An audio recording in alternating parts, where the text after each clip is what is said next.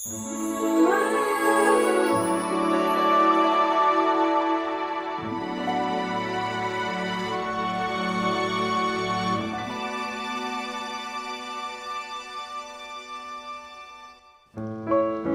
Sobat Ceria, selamat sore, salam hangat bagi teman mahasiswa di mana pun kalian berada saat ini.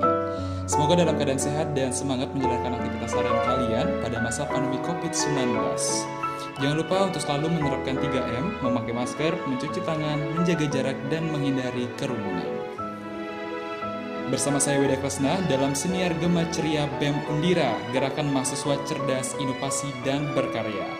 Sobat Ceria, pada hari ini kita telah menghadirkan kedua narasumber, yakni Felicia Agustina Putri Wijaya sebagai Presiden Mahasiswa Badan Eksekutif Mahasiswa Universitas Dinapura dan Igusti Ketut Widyastari sebagai Wakil Presiden Mahasiswa Badan Eksekutif Mahasiswa Universitas Dinapura.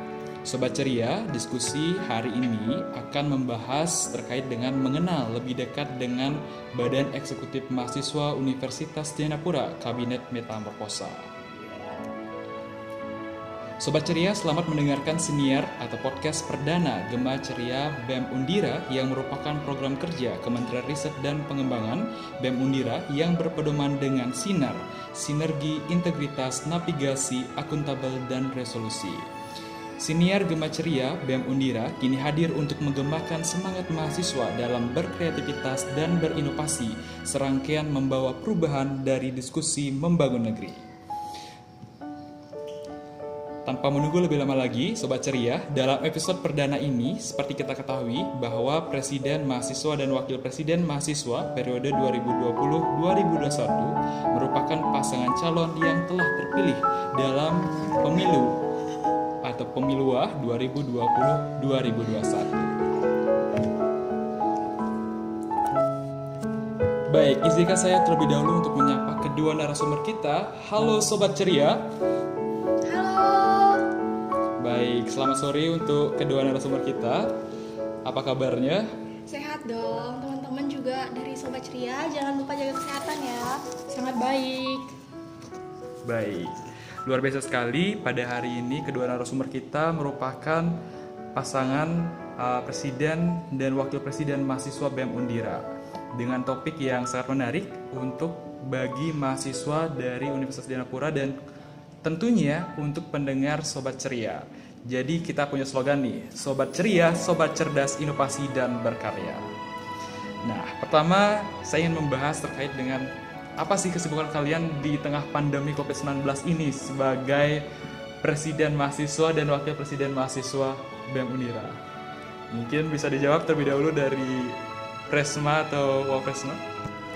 Ya, silakan untuk Felicia mungkin bisa menjawab. Oke, jadi dari saya dulu ya. Halo Sobat Ceria, Uh, perkenalkan, nama saya Felicia Agustina Putri Wijaya. Saya selaku Presiden Mahasiswa di BEM Undira. Nah, sebelum kita membahas tentang organisasi BEM nih, saya ingin memperkenalkan diri saya terlebih dahulu.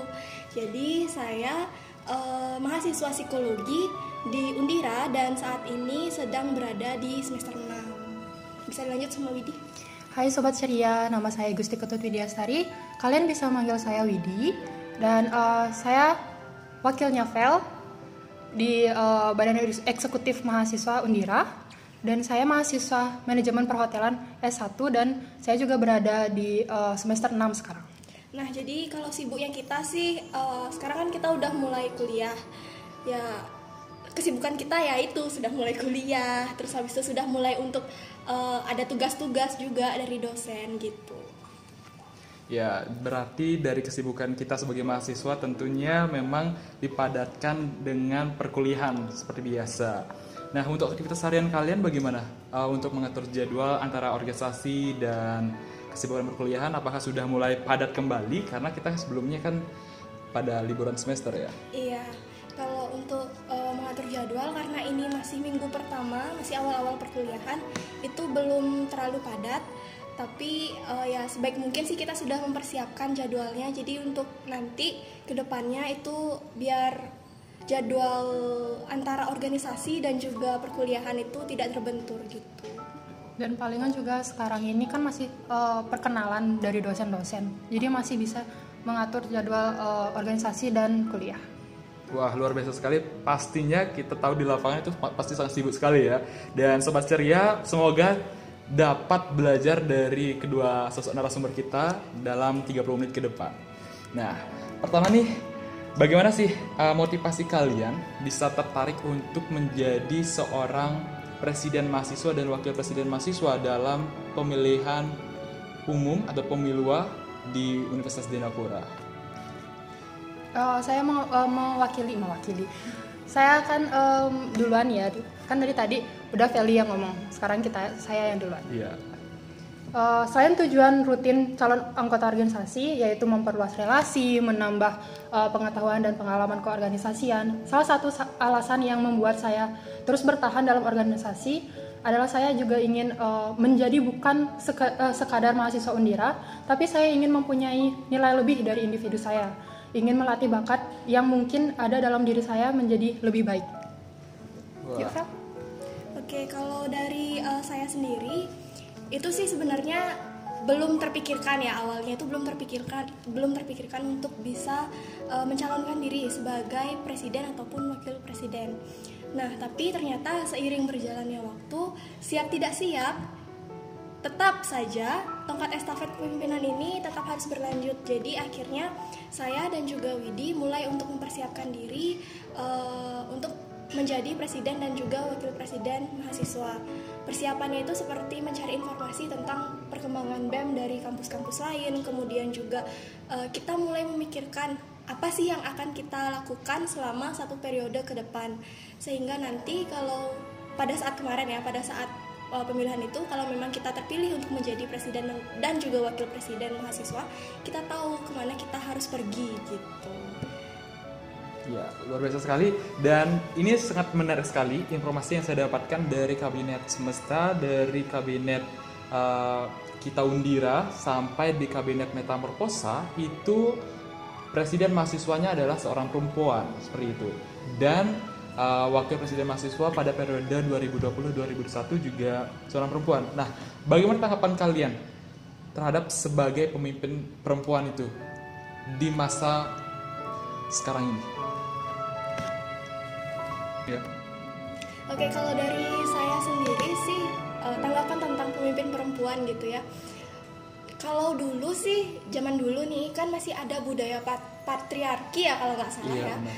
Jadi uh, itu masih memposisikan uh, bahwa laki-laki lah yang diwajibkan sebagai pemimpin dan uh, perempuan belum diperbolehkan untuk memimpin kayak gitu. Tapi setelah uh, seiring berjalannya waktu Ternyata banyak sekali pemimpin-pemimpin perempuan yang juga sudah membuktikan bahwa mereka pun juga bisa untuk memimpin bukan hanya laki-laki tapi juga perempuan. Maka dari itu eh, kami pun juga sampai akhirnya bisa memutuskan untuk menjadi presiden dan wakil presiden itu eh, tidak memikirkan bahwa yang harus jadi pemimpin ini laki-laki loh gitu enggak. Jadi kita pun juga eh, bisa membuktikan bahwa kita sebagai perempuan juga bisa untuk memimpin begitu. Luar biasa sekali sobat ceria dan pastinya bagi kalian sobat ceria yang um, seorang perempuan nih, uh, mahasiswa perempuan uh, tidak berkecil hati seperti itu. Wah, saya ini lemah fisiknya. Jadi di zaman atau era uh, emansipasi wanita tidak ada hal demikian. Selain hal itu ada kesetaraan gender juga, yang di mana penting untuk kita memahami bahwa pemimpin tidak lahir dari sosok seorang laki-laki maupun perempuan, tetapi dari integritasnya sebagai seorang manusia. Ya, nah kita lanjut saja langsung pembahasan uh, setelah persiapan dari pemilihan umum mahasiswa tersebut, pastinya dong ada visi dan misinya sebagai presiden dan uh, wakil presiden mahasiswa.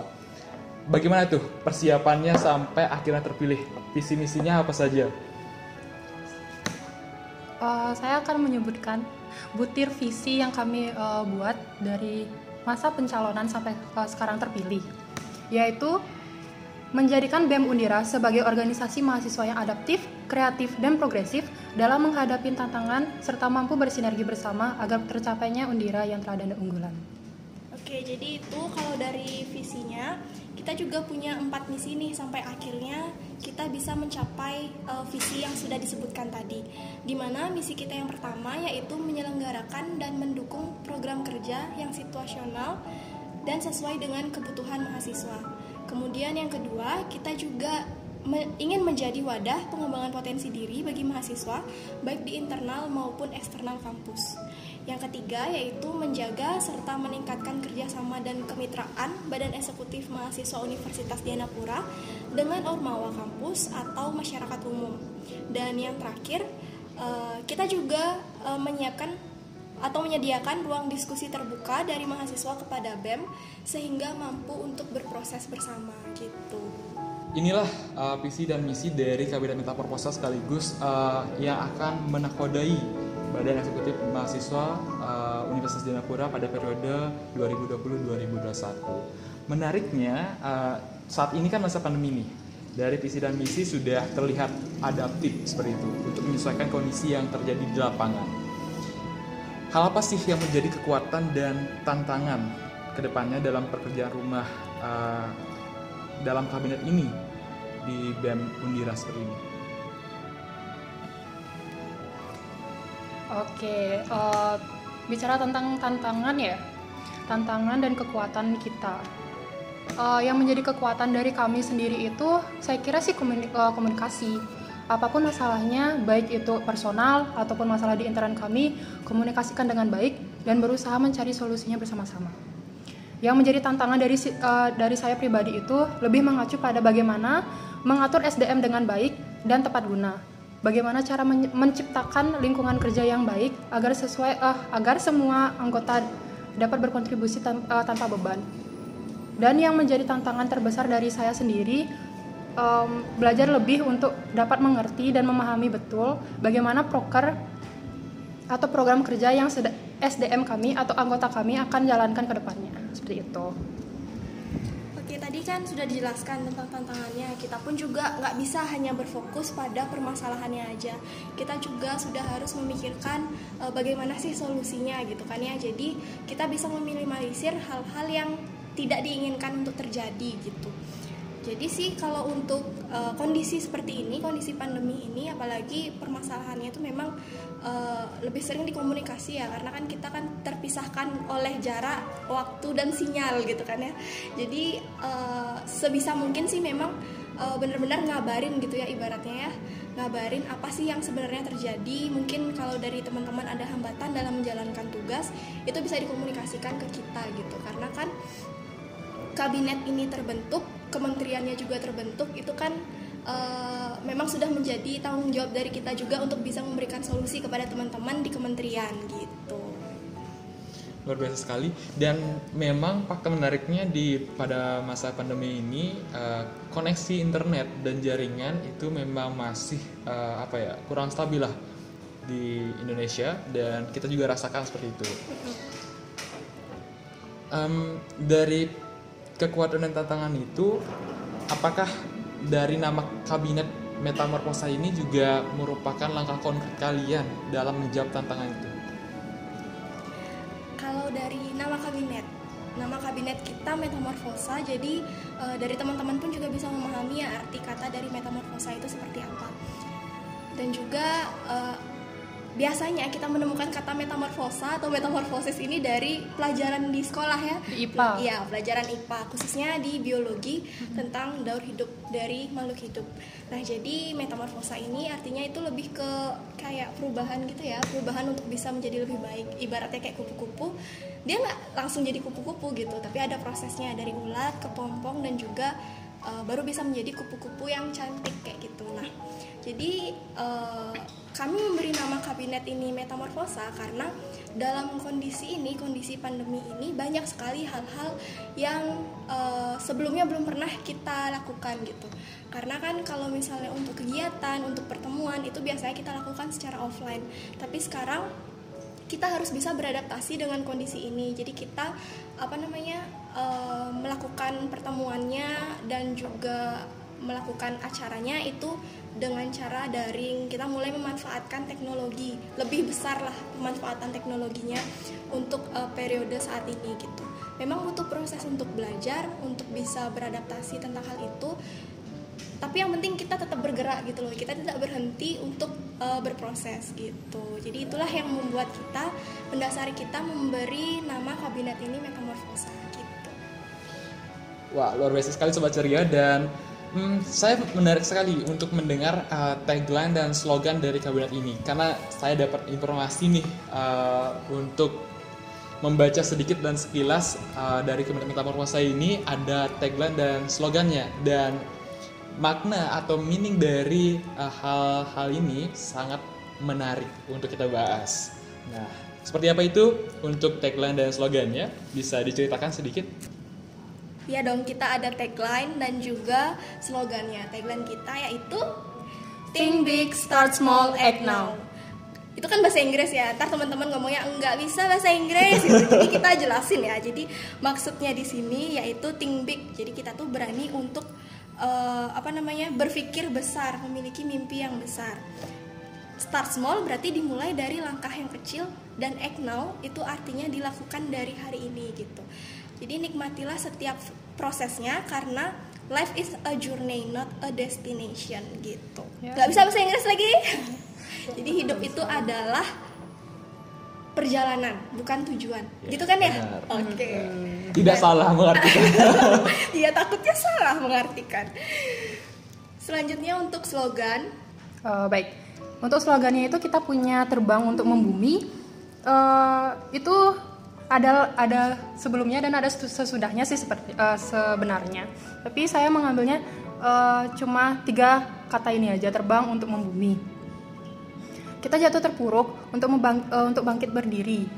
Tidak selalu ber, uh, merasa tinggi dengan kemampuan yang dimiliki. Tetaplah rendah hati dan menjadi diri sendiri. Kita memiliki kebebasan untuk mengeksplor dunia, uh, tapi tetaplah pulang ke rumahmu, yaitu di bumi. Itu maksudnya uh, kayak kita itu punya pengetahuan yang lebih, mempunyai wawasan yang uh, yang luas, tapi uh, tidak ragu untuk membagikannya ke uh, teman-teman gitu. Masih iya. Ya jadi kita belajar jauh tapi ingat bawa oleh-oleh pulang gitu ya ibaratnya gitu. jadi teman-teman yang lain pun yang belum berkesempatan untuk belajar di luar tetap bisa untuk apa namanya belajar gitu loh bersama dengan kita keluarganya gitu loh di BEM Undira Wah menarik sekali. Dan dari tagline-nya Think Big, sesuatu yang besar memang harus menghadapi sesuatu yang besar pula seperti itu. Jadi semakin kita bermimpi besar maka harus kita siap untuk jatuh uh, semakin ke bawah, tetapi setidaknya kita jatuh di antara bintang-bintang. Iya yes. benar. Nah uh, ini sangat menarik sekali untuk saya bahas kembali terkait dengan um, susunan kabinetnya. Dari susunan kabinet dari kabinet metamorfosa ini ada apa aja sih yang terbaru mungkin dari sebelumnya yang tidak ada menjadi ada atau ada suatu perubahan dari susunan kabinet kalian? Ya, jadi kalau berbicara tentang struktur organisasi, perlu teman-teman ketahui kalau yang menjadi anggota BEM untuk periode ini itu ada 24 orang. Nah, dari 24 orang ini kita membagi ke beberapa bagian. Itu ada presiden mahasiswa dan wakil presiden mahasiswa itu ada saya dan juga rekan saya Widi. Kemudian ada sekretaris kabinet ada wakil sekretaris kabinet bendahara kabinet dan wakilnya. Kemudian kita punya tiga kementerian bidang. Jadi ada tiga menko-nya menteri koordinator bidang Menko bidang satu itu tentang konsolidasi dan pemberdayaan mahasiswa, di mana di dalam bidang satu itu ada dua kementerian lagi, jadi ada Menteri Dalam Negeri dan ada Menteri Luar Negeri. Kemudian di Kementerian Bidang 2 atau Kementerian Bidang Pendidikan dan juga Riset itu ada Kementerian Pendidikan dan juga ada Kementerian Riset.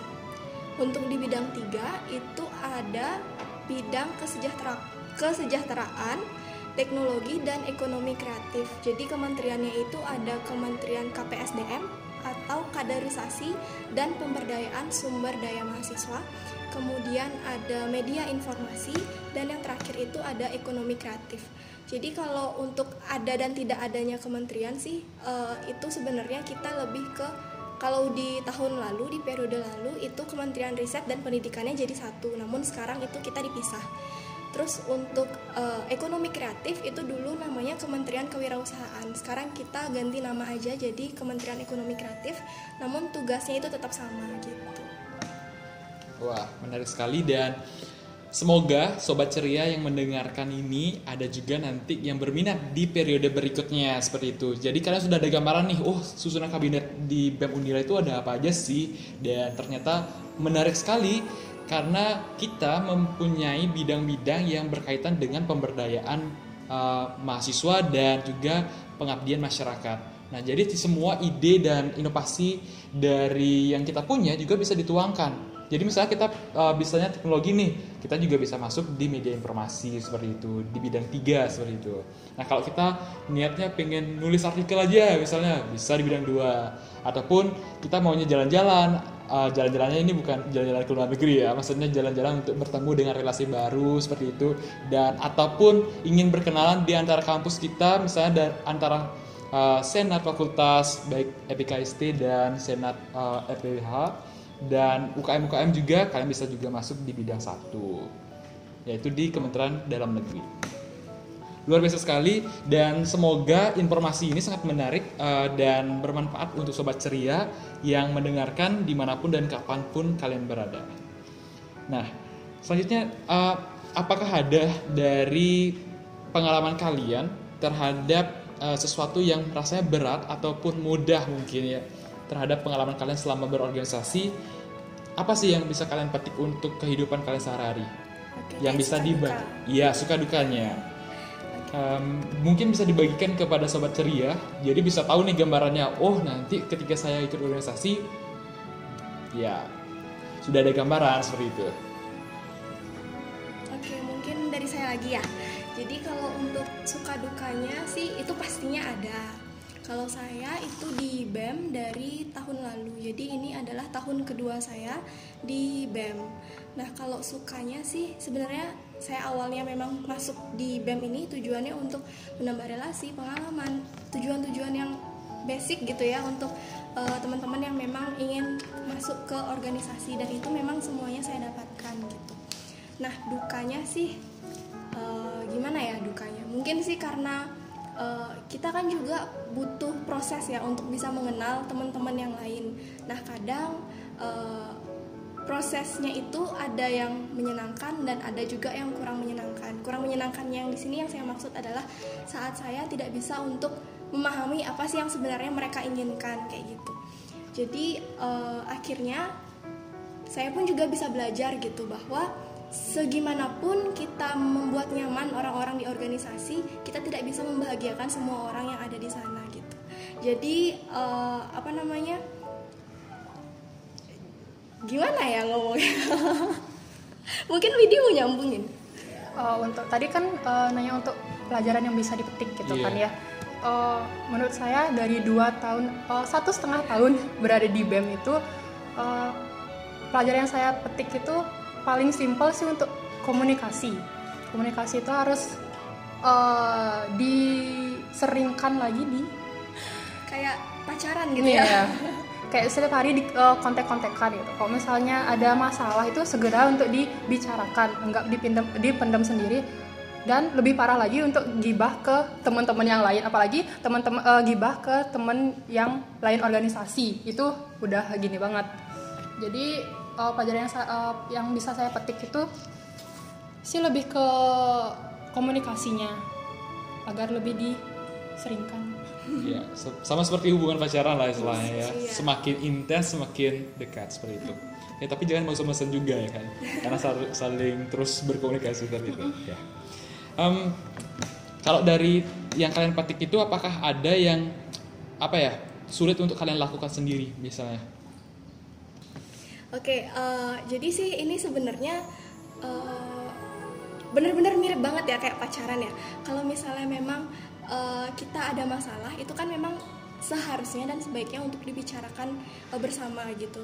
Tapi setelah setelah dilakukan negosiasi, kalau misalnya memang sudah tidak bisa untuk bersama lagi. Ais ya. Jadi ya mau gimana lagi gitu kan kita juga tidak bisa untuk memaksakan uh, hal itu gitu karena kan setiap orang pun juga tujuannya untuk bisa bergabung di organisasi itu kan berbeda-beda. Ada yang mungkin mereka sudah mendapatkan tujuannya di di sini mungkin atau mereka merasa ini adalah bukan rumah yang tepat bagi mereka gitu. Jadi ya itulah people comes and go gitu ya. Ya, jadi sesuatu yang sulit memang dari yang bisa kita petik adalah sesuatu yang harus diikhlaskan seperti itu. Iya. Nah, uh, dari sobat ceria uh, yang telah mendengarkan podcast kita pada hari ini, saya mengucapkan rasa terima kasih banyak karena sudah bersedia untuk mendengarkan dan uh, bagaimana ya, selalu untuk menyimak dari podcast kita yang di perdana ini sampai di akhir uh, acara.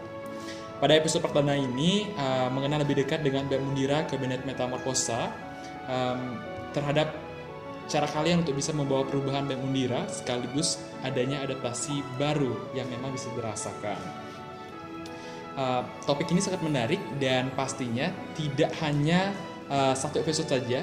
Nanti kita akan juga mengundang narasumber-narasumber uh, juga di susunan kabinet metamorfosa seperti itu.